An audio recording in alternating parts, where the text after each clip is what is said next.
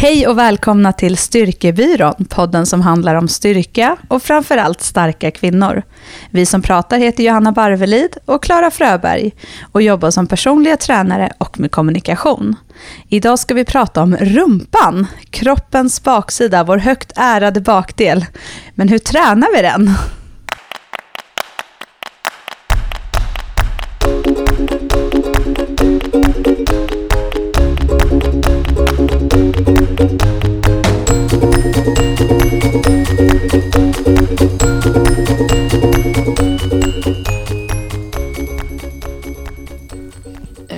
Jättekul det här med rumpan. Alltså vi, eh, vi går ju lite emot vårt eh, förra avsnitt nu egentligen, där vi sa att eh, kvinnor borde träna mer överkropp och män borde träna mer underkropp. Och sen gick vi direkt på ett avsnitt med rumpan. Men vi får väldigt mycket frågor om det här med rumpan och sen så tycker vi ju själva också att det är kul med med rumpaktivering och rumpträning och det skrivs mycket om det på nätet just nu så tänkte vi att vi kunde reda ut lite begrepp. Vad, vad är din relation till, till din rumpa, Johanna?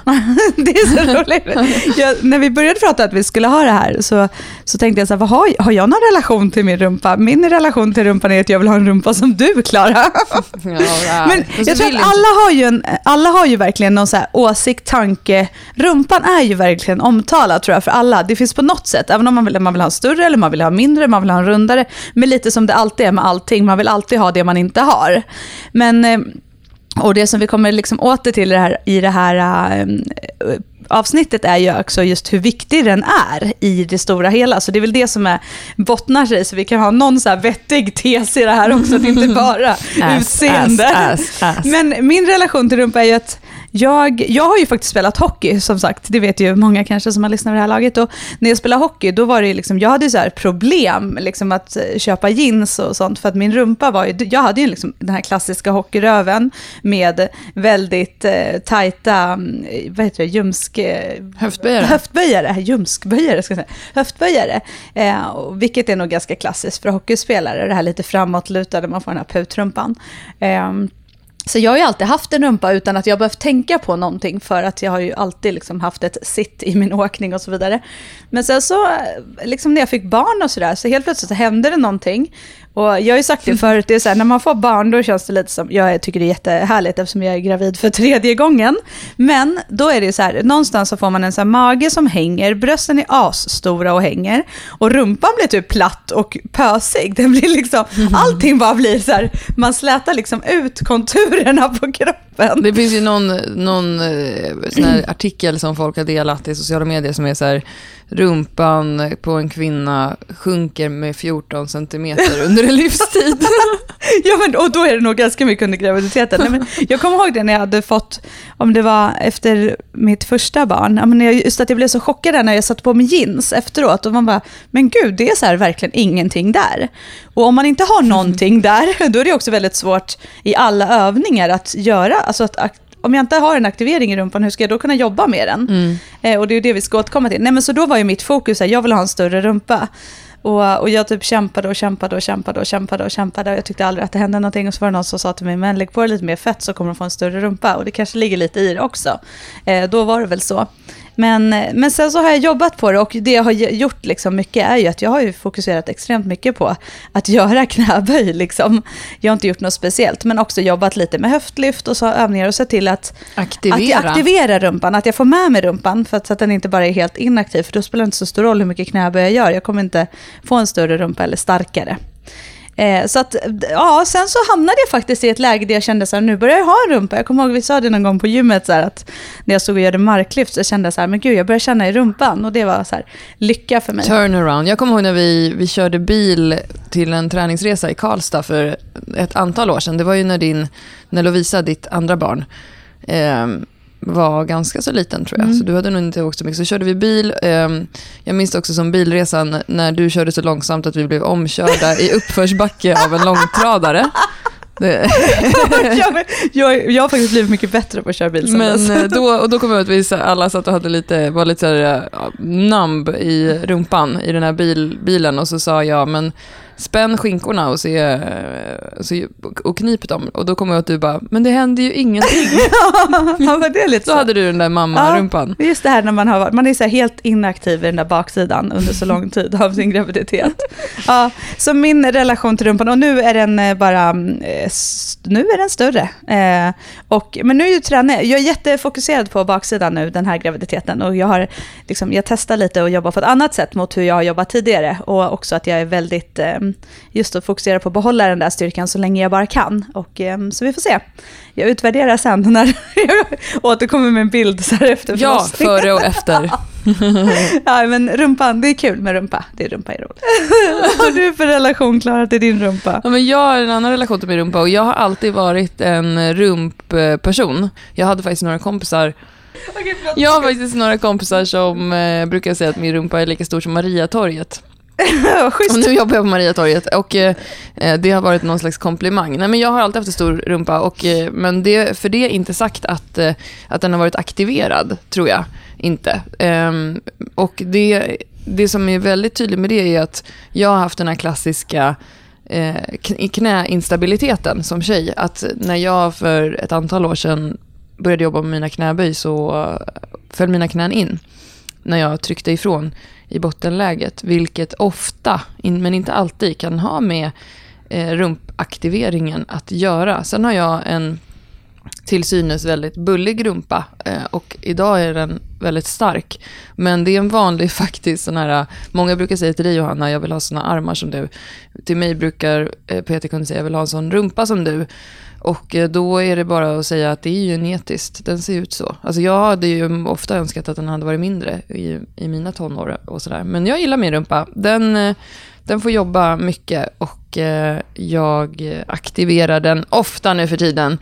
Eh, för det är lite det vi ska, vi ska surra om idag. Att ehm, för att ha med sig rumpan så i alla våra träningsövningar så måste den vara eh, aktiverad. Och, sen, och det är ju det här vi, som vi pratar mycket om i den här podden, är ju, vi är ju lite så här hotet mot den moderna människan, eh, när vi pratar om att vi sitter för mycket idag. För det som händer när vi sitter mycket eh, är ju att vi, dels att vi lutar framåt, så vi sträcker ut hela baksidan, vilket ofta gör att hamstrings kopplar på mer, alltså musklerna på baksida lår tar över och rumpan släpps. Det som också händer är att vi får ganska korta höftböjare, precis det du beskrev med hockeyn. När man, ehm, när man spelar hockey så sitter man ju i ett grunt knäböj nästan hela tiden, som du, som du brukar beskriva när man, när man åker skridskor.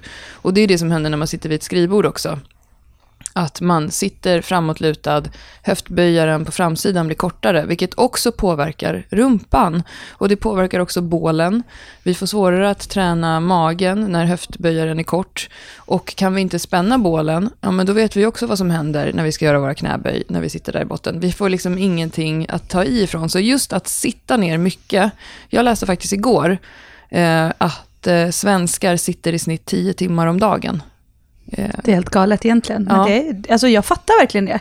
För jag kan ju se stor skillnad bara från att när jag jobbade på kontor, och man satt sig en arbetsdag, och sen så får man till några timmar på kvällen i, i soffan, och så får man till en pendlingstid på en buss. Alltså det är ju det är ju inte så svårt att komma upp i de timmarna om man sitter still. Nej, precis. Och det är ju inte så konstigt då om man ser på eh, många, många kvinnor som eh, dels kanske har fått barn, för det pratade vi om här innan med din eh, platta rumpa efter mm. graviditet. Att, det händer, det är, vi blir inaktiva, det finns, vi blir, får svårare att aktivera rumpan när, under en graviditet, därför att vi blir framtunga, precis som när vi sitter.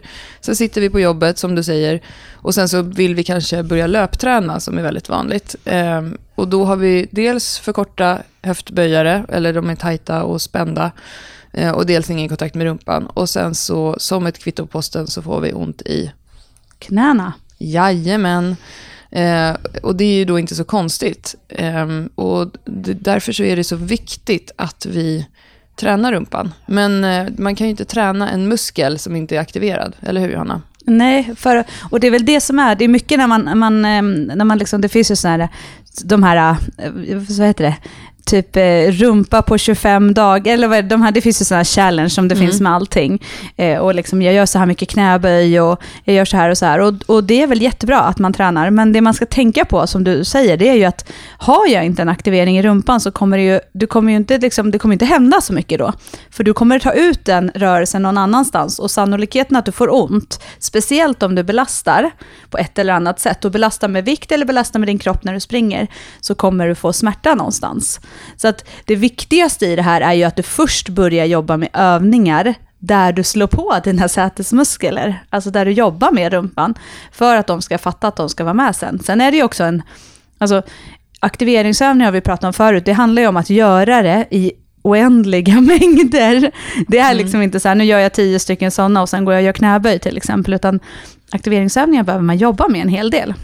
Precis, och det finns också forskning. Jag läste faktiskt igår, eh, vi, vi pratade lite om honom i ett annat poddavsnitt och, och säkert i det här också, om The Glute Guy, som är Brett Contreras, som är en amerikansk eh, doktor som också är personlig tränare. Och han är ju då, som det hörs, fokuserad på rumpan.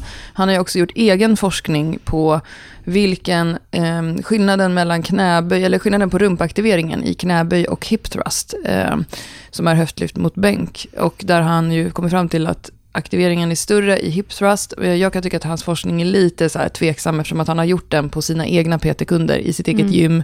Och han har, säljer ju också en maskin som heter Mm. The Hip Thrust. Och då kan man ju tänka att hans kunder kanske vill hjälpa honom lite med.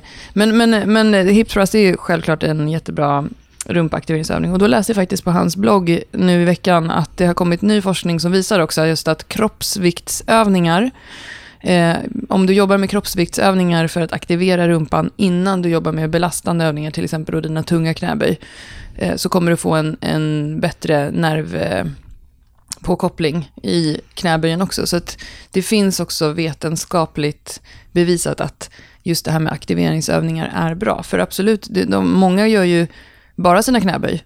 Eh, men risken är ju då, som du säger Johanna, att man inte får med sig rumpan i dem, utan att man jobbar med andra muskelgrupper främst, och, utan att man vet om det också. Och man vet ju inte om det eh, förrän man känner av den. Det är samma som många löpare som, som får problem med knäna och inte har med sig rumpan. Det kan vara svårt för dem att veta om de aldrig har jobbat med att aktivera rumpan. Jag brukar säga till dem, gör lite utfall, för utfall får man alltid träningsvärk i rumpan av. Eh, det är liksom kvitto nummer ett från den övningen. Och sen gå ut och spring med träningsvärk och se, eh, använder du, tar, tar du i ifrån rumpan? Känner du av träningsvärken när du springer? Ja, Är det i löpsteget. Ja. Utfall är en här typisk tjejövning, skulle Mm. jag säga. Mm. Eh, och det är bara baserat på mina egna e- erfarenheter av Du, kunder. du, du, Ja. nu, nu behöver du ha den där, det här är inte eh, Vetenskapligt. vetenskapligt. Nej, men, och, men att problemet är ju för många att de använder ju inte rumpan när de gör utfallen. Att det, är liksom, det blir ändå en problematik i det här att man gör saker som man tänker det är så bra för mig att göra det och det är bra för min rumpa och sånt, men att man inte har ändå aktiverat. Många är, men alltså jag tycker att det är, svår, det är en svår övning att göra utfall.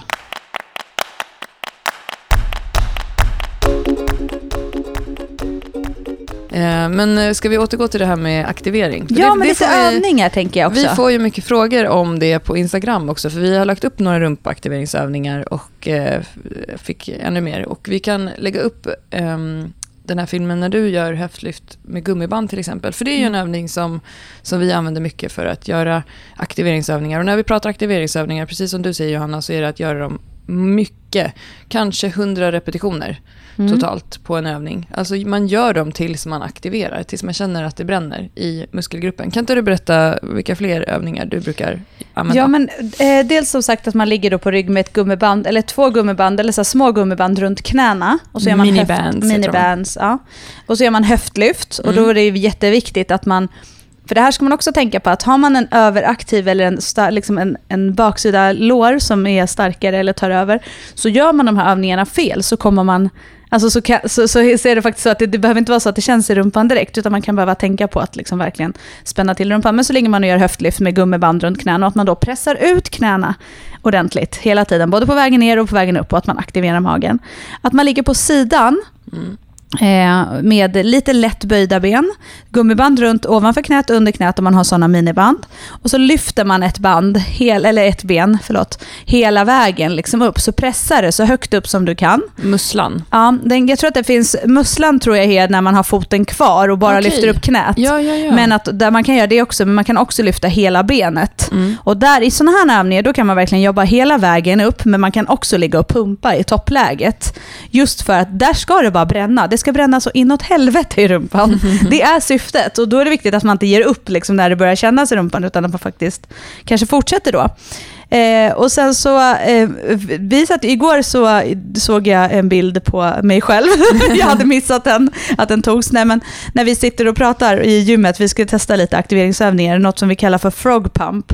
Eh, och det är egentligen att du gör ett höftlyft fast du har fötterna ihop och gör höftlyften. Så att de Precis. är ihop framför dig så att du bildar någon typ av kvadrat eh, mellan dina fötter, knän och eh, underliv skulle jag säga. Det lät jättekonstigt. Ja, vi får lägga upp lite bilder här. Ja, det får vi verkligen göra. Den, den har vi också hittat hos Brett Contreras. Han rekommenderar även att göra frog thrust. Och då jobbar han också med gummiband eh, runt knäna. Han fäster dem. Han har gjort den här egna maskinen då som, som faktiskt verkar bra. Som är en höftlyftbänk, men där man då kan sätta fötterna i spjärn och sätta fast gummiband på den och sådär. Och då gör han höftlyft mot bänk med då fotsulorna ihop mellan benen. Mm. Eh, Fotsulorna ihop var bra, den missade jag lite här på de här frog pump. Fotsulorna ihop alltså på golvet. Ja. Det, det är ju, om du vänder på den här övningen, frog, grodan, så är det ju också en yogaövning. Eh, där om du ligger på mage med fotsulorna ihop och knäna isär, så kan du jobba med just att öppna upp höften också.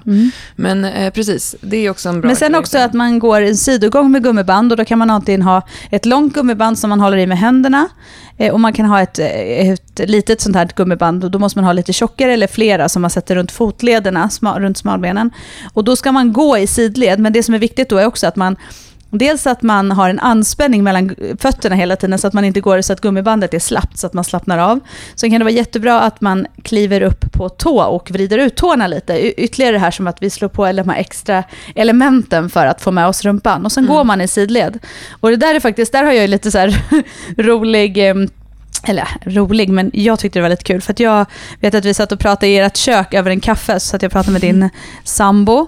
Och eh, så var jag så här, men jag tycker inte att den där känns så mycket. Det skulle jag typ aldrig ha sagt. Han bara, tycker du inte? Och så, så fick jag ställa mig upp och så gjorde vi den här övningen som, som, eh, som vi har lagt upp förut när man går två och två med ett gummiband. Vi kan reposta den. Ja, vi kan reposta den. Och så gjorde vi den och så här, det var lite så här, ja okej men då går vi här tills du känner. Liksom, sju minuter senare så typ, kunde jag fasen knappt stå upp. så jag tror att just det här, det, för mig är det liksom ändå så här, gör, man kan inte göra det nog. Alltså lite så att det faktiskt man behöver jobba med det ett tag. Och det har ju också fått så här, mig att inse att okej, vänta, jag gjorde det inte tillräckligt förut. Att man, det, det ska bränna och det ska vara, vara jobbigt. Men den är också jättebra. Sidogång med gummiband tror jag att den kallas. Jag kallar den för monster walk. Jag vet inte varför, för det är ingen annan som fattar vad det är. Men Jo, men det är ju för att man går, alltså Som ett zombie monster. walk vet Ja. jag vissa kallar den också. Och då kan man gå, vissa går framåt också, Mm. åt sidan. Att man Men- går lite så här. Ja. "Ah." Men, eh, som ett, men med ett gummiband och gå i sidled eller liksom två och två eller själv. Precis. Men så mycket övningar med gummiband och många reps. Precis, men sen vill vi belasta rumpan. Aktiveringsövningar gör vi alltså innan vi tränar en, en tyngre övning för att slå på musklerna för att veta vilken övning vi ska jobba med. Eh, och vi brukar ju även göra, till exempel innan vi gör knäböj så brukar vi göra hängande benlyft och lite sådana grejer. Och vi brukar jobba med ryggresningar. Det kan man också göra för att aktivera rumpan. Eh, ryggresningar i ställning till exempel. Eller benlyft i ställning åt andra hållet, reverse hyperextension. Just också för att få med oss eh, både bålen eh, men också då rumpan. Och där är det också jätteviktigt att man inte gör dem, för gör man de övningarna och, överakt, och liksom inte använder rumpan så blir det lätt att vi jobbar överaktivt med ländryggen eller med baksida lår. Så det, är också, det hör liksom ihop att, att jobba med dem i, i en korrekt övning. Så att även om det inte bara är att göra, men man känner ju med de övningarna om man lyckas eller inte. För bränner det inte alls i rumpan, då gör man uppenbarligen något som är fel. Precis, och tar man ut rygglyft eller benlyft för långt så att man börjar använda ryggen istället, då, eh, då blir det inte heller lika mycket ru- rumpaktivering. Där ska man oftast vända innan, tidigare än man tror faktiskt. Alltså man inte blir den här översvankade liksom, eller Precis. bananen. Känner man den i ryggen, de här övningarna, då, då gör man fel, då behöver man kolla upp dem. Såklart så känns rygglyft lite i ryggen, men det ska framförallt vara rumpan. Mm. Eh, men bra, om man sen då vill träna själva rumpan, eh, träna gluttarna som, eh, som vår nästa rubrik är Mm. i våra eh, studio no, show notes har jag lärt mig att det heter Ja. till poddar. Jaha, okej. Vad gör man då då, Klara? Ja, för att träna gluttarna, Ja. ja, men då tycker vi att man skippar de här isolerade rumppumpövningarna som man kanske gör i maskiner. Eh, såna här, vad heter det, gynstolar och bensparkar och sånt där. Utan lägg istället eh, dina hårt sparade pengar på eh, övningar där du istället tränar stora muskelgrupper. Så att du får använda hela kroppen, för det är också mer, det har du mer användning av i vardagen, mer funktionella övningar. Och det, alltså knäböj är grymt bra för rumpan. Sen att Brett Contreras menar att man får mer nervstimulans i hip thrust, det är, det är också bra, men eh, och det har vi också med som en av våra favoritövningar för att träna rumpan. Men knäböj, marklyft, eh, just viktade rygglyft och eh, ryggresningar, benlyft, reverse hyperextension. Har du några att lägga till Johanna? Svingar, Mm, step up Just det. är ju också en väldigt bra, eh, tycker jag. Eh, Mm. Men sen så, um, jag tänker just på det här med höftlyft, är ju en, det är en jättebra övning. Och Mm. många, det är också en övning som många tycker om, för man känner oftast att det liksom bränner i rumpan. Och nu pratar vi höftlyft då med vikt, inte bara med kroppsvikten som vi då gör när vi aktiverar. Men det, då, då kan man säga att det finns två olika varianter som man ofta ser. Mm. Det ena, då ligger man med ryggen på en, eller liksom skulderbladen, eller så här, övre delen av ryggen på en bänk och Yes. jobbar med en skivstång över höften med vikter och lyfter. Och så finns det där när man jobbar från marken. Kan inte du förklara lite skillnaden? För jag vet att vi får lite frågor om vad är skillnaden att jobba från marken och vad är skillnaden att jobba från bänk? Från bänk, eh, den heter ju den övningen. De här övningarna har inte något bra namn på, svenska. Ja, men då tar vi på engelska. Hip, hip thrust eh, kan, brukar man säga för den. Vilken Eh, är det sa du? Hip Mot thrust? bänk. Ja. Och den på golvet brukar man kalla för glute bridge. Mm. Eh, eller skulderbrygga brukar vi säga. Vi gör ju den också som en rörlighetsövning till bänkpressen, men utan vikt. Och det som är skillnaden är att när du ligger på golvet med skuldrorna i ryggen så blir det en inte lika stor rörelse. Alltså Därför att- skulderna i golvet. Precis, den golvliggande höftlyften. Mm. Därför att du då inte får... Eh, du, när du startar på bänken så sänker du ner rumpan. Eh, det, det blir en större rörelse från eh, ena läget till toppläget. I, och sen så blir det också en ändrad toppposition. När du ligger på bänken och, är, eh, och har tagit ut rörelsen helt så att du står utsträckt, då är du helt platt från knä till axel. Som ett bord ungefär. Mm. Eh, Men när du ligger på golvet och sträcker upp, då är, du, då är ju din kropp i en snedvinkel eftersom du fortfarande har skuldrorna kvar i golvet. Mm. Ofta så kan man ta lite mera vikt när man ligger på golvet. Och det är ju också för att det är en kortare sträcka. Och när du ligger mot en bänk så kan du inte ta lika stor vikt. Jag vet att han glute guy-snubben säger att ett bra mål ska kunna vara att göra tio repetitioner eh, på din dubbla kroppsvikt mot bänk. Ja, Ehm, men det är bra, det kan vi ha med. Det kan folk få ha. För många undrar ju så här, vad, hur mycket vikt ska jag ha då? Det är bra, då har ni det. Precis. Dubbla kroppsvikten med eh, när du ligger på bänk och gör höftlyft. 10 repare. Men det, och det är så att för mig skulle det vara 120 kilo. Det, det fixar jag. Ehm, och eh, på golvet, jag, jag brukar börja på golvet med mina kunder med den här övningen för att de ska få en känsla av just det här att ha den här tyngden ovanpå pubesbenet, eller vad det heter, eh, på höften och att verkligen ta i och pressa upp. Ehm, och att det, det, det, grejen är att det är en ganska lätt rörelse att lära sig in om man, om man bara lär sig att ha- någonting eh, på kroppen och ligga på golvet. För det enda man gör är att pressa upp. Och grejen är att får du inte upp den, så får du inte upp den. Nej, är man liksom- kan liksom testa och ta i. Men det kan ju också, där är det ganska skönt att ha någon sån här typ skumgummiplatta eller något. För det är inte skönt, det är ju inte skönt att pressa en stång som Nej. väger ungefär 100 kilo. Eh, Precis, en, en ihopvikt yogamatta brukar jag Mm. ta också för att skapa lite. Ja. Sen en annan sak som, som jag har märkt och som inte så många manliga PTs brukar ta upp, det är att det finns ju också, eh, det, det finns säkert ett namn för det, men vissa kvinnor har en väldigt hög känslighet i, runt sitt venusberg. Mm. Alltså rent för fysisk stimulans. Och det finns också kvinnor som eh, bland annat som, som tycker av, av de olika skäl att det är jätteobehagligt till exempel att göra en gynundersökning för att man är väldigt känslig där. Och det kan Mm. många kvinnor som är gravida uppleva också. Att det går nästan inte att ta på det här området runt, eh, runt höften och venusberget för att man är så känslig i huden. Och det har jag varit med om PT-kunder som har varit också som känner att nej jag kan inte ligga under den där stången. Medan vissa bryr sig inte alls. Alltså de, de är inte alls känsliga för det där. Men just att man kan ta i ganska mycket. Men Mm. då... ehm, och då menar ju den här glute guy att eh, om man jobbar med hip thrust eller glute bridge så är det övningar där man ska göra många reps. Så att han pratar ju om 10 reps. Eh, och gärna hålla emot i den excentriska fas- fasen ner. Men för att sammanfatta återigen min otroligt långa utläggning. Höftlyft mot bänk, större rörelse. Mm. Har en större överföring till till exempel knäböj. Mm. Eh, Medan på golvet, mindre rörelse, där är du ofta starkare. Och där kanske du kan jobba lite mer explosiva, du kan ha lite annat syfte med dina med lyften. Precis. Men jag tänker också för eh, många som, eh, eh, som gör den har ju också gjort den i smittmaskin. Just det. Eh, att man då har ryggen mot en bänk, och så, precis som du förklarade Mm. här. Men sen så använder man smittstången och vi har ju varit ganska så här, Stränga. eh, med smittstång. Men hur är det med höftlyften där? Kan det vara ett bra alternativ just för att man tycker att det är lite obehagligt och lite obalans Ja, att... men det tycker jag. Alltså där är den ju...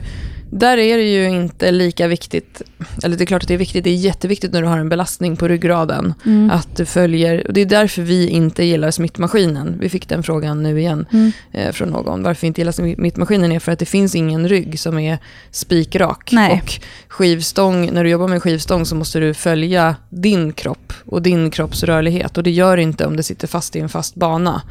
Eh, och därför så finns det en hög skaderisk med det.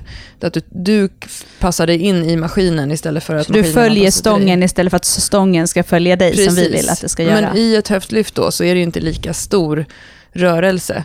Eh, däremot så tror jag ändå att det är bättre för nervpåslaget eller nervstimulansen eh, att jobba med en frivikt överhuvudtaget. Mm. Jag, jag, alltså, jag tänker också att det är just det här obehagliga, att det är lite läskigt när man är själv också, att så få upp jo, stången och den sånt. är Och att lite mäckig. Det är lite mäckigt, men man kan, då kan man prova att göra den mer och känna hur det känns och ha den på på i en sån här smitt. Men att man kan eftersträva faktiskt att jobba med fri, för allting man jobbar med fria vikter så kommer det ändå slå på fler saker. Du kommer behöva krävas mer av dig i ditt utförande.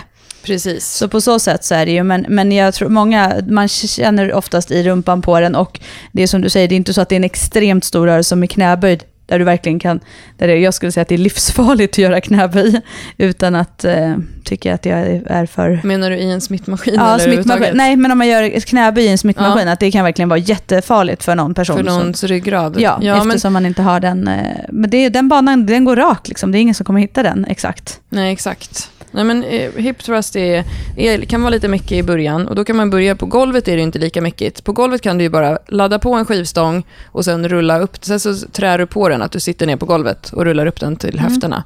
Ehm, och sen om du, jag gjorde, när jag gjorde mot bänk på gymmet sist, då bad jag en tjej som gick förbi att lägga på fler viktplattor, för jag Mm. orkade inte Gå nej, masa mig ur när jag satt och vilade.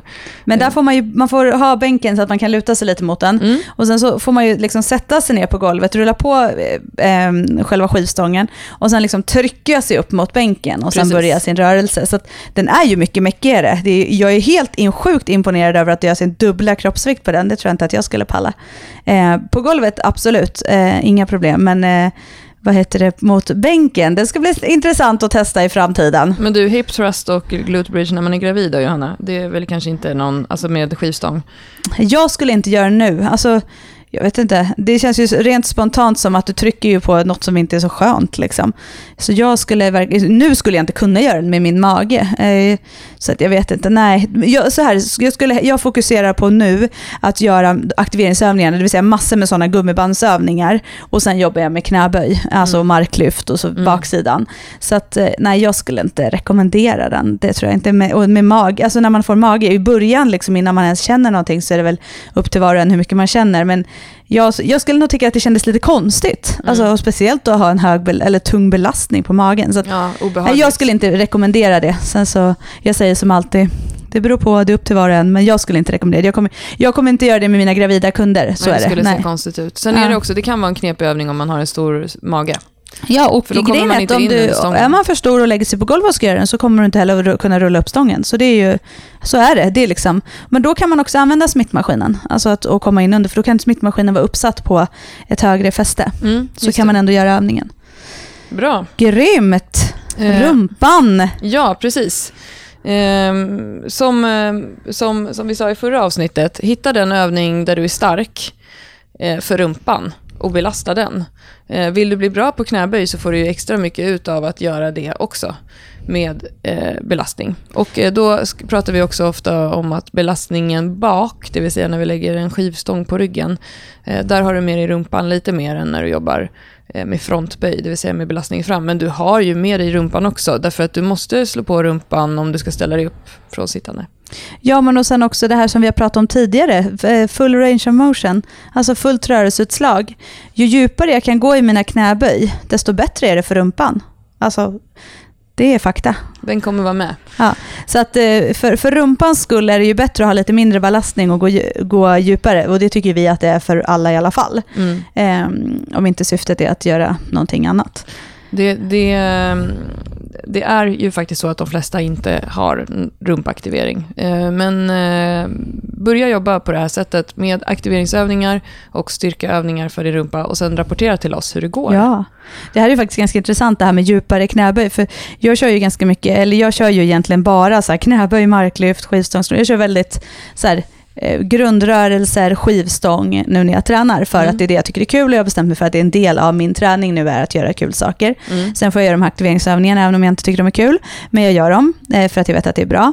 Men att jag har ju kört så här, så jag har ju som mål att jag ska köra tre pass i veckan. Det är mitt mål. Och sen blir det fler så, så blir det det och då är det bonus. Men, men nu har det legat på ungefär tre pass för det har passat in i min vardag och så försöker jag liksom att promenera och sådär. Eh, och då så har ju jag kört liksom lättare vikter såklart än vad jag gör förut.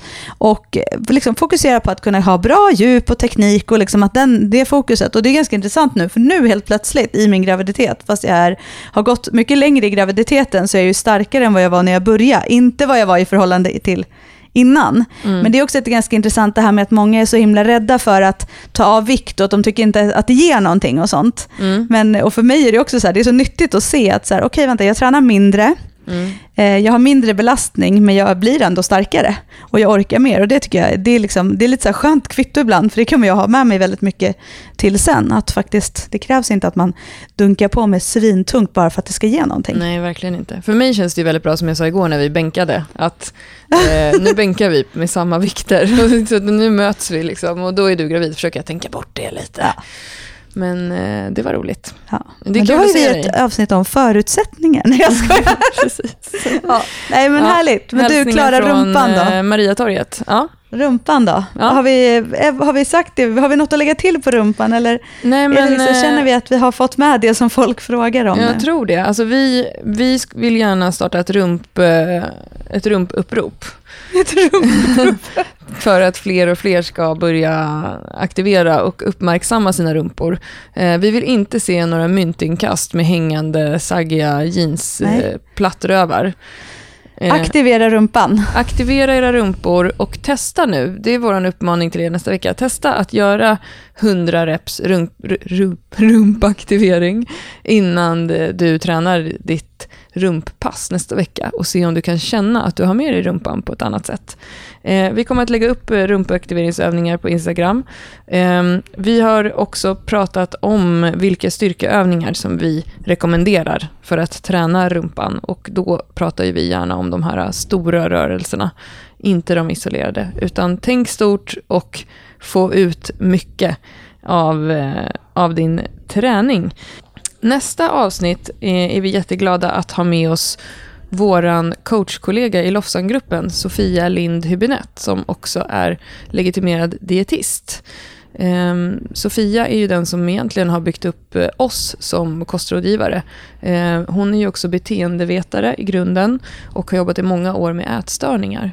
Ehm, och har lärt oss hela tänket kring hur vi jobbar med våra klienter. Där vi jobbar med klientens beteende Eh, inifrån. Så om vi ser det avsnittet där vi hade med oss en läkare som blev väldigt mycket så här funkar det i kroppen, energi in, energi ut. Så blir det här avsnittet lite mer eh, baserat på faktiskt hur vi kan jobba beteendemässigt med, eh, kring hur vi äter. För att vi vet ju alla egentligen att det är bra att äta bra. Men det är, det är inte lika lätt, eller hur Johanna? Nej, och eh, ställ frågor till Sofia. Eh, skicka oss mängder av frågor och eh, gör det i, eh, gör det i eh, vår mejl hello.styrkebyrån.se eller på våran liksom meddelande på eh, Facebook är också jättebra. Så kommer vi att sätta gå igenom det så mycket som möjligt. Det går också bra att skriva i kommentarer Det går bra att skriva Instagram och kommentarer, men så mycket som möjligt så ska vi försöka att samla ihop de frågor. Så fråga oss i mängder så ska vi se till att vi svarar på så mycket frågor som möjligt. För vi vet att det finns extremt mycket frågor om kosten. Precis. Och därför vill vi ha olika vinklar på, eh, på våra kostexperter som vi har med. Mm. Så att nu har ni möjlighet till att ställa frågor till en riktigt grym tjej. Precis. Fortsätt att lyssna på oss, skriv till oss. Eh, Vi heter Styrkebyrån i sociala medier. Vi är jätteglada att ni lyssnar. Klicka på prenumerera i podcastappen så blir vi också glada. Och recensera gärna podden. Det blir vi jätteglada när vi läser era hejarop. Tack för idag! Tack för idag, vi hörs då. Hej då!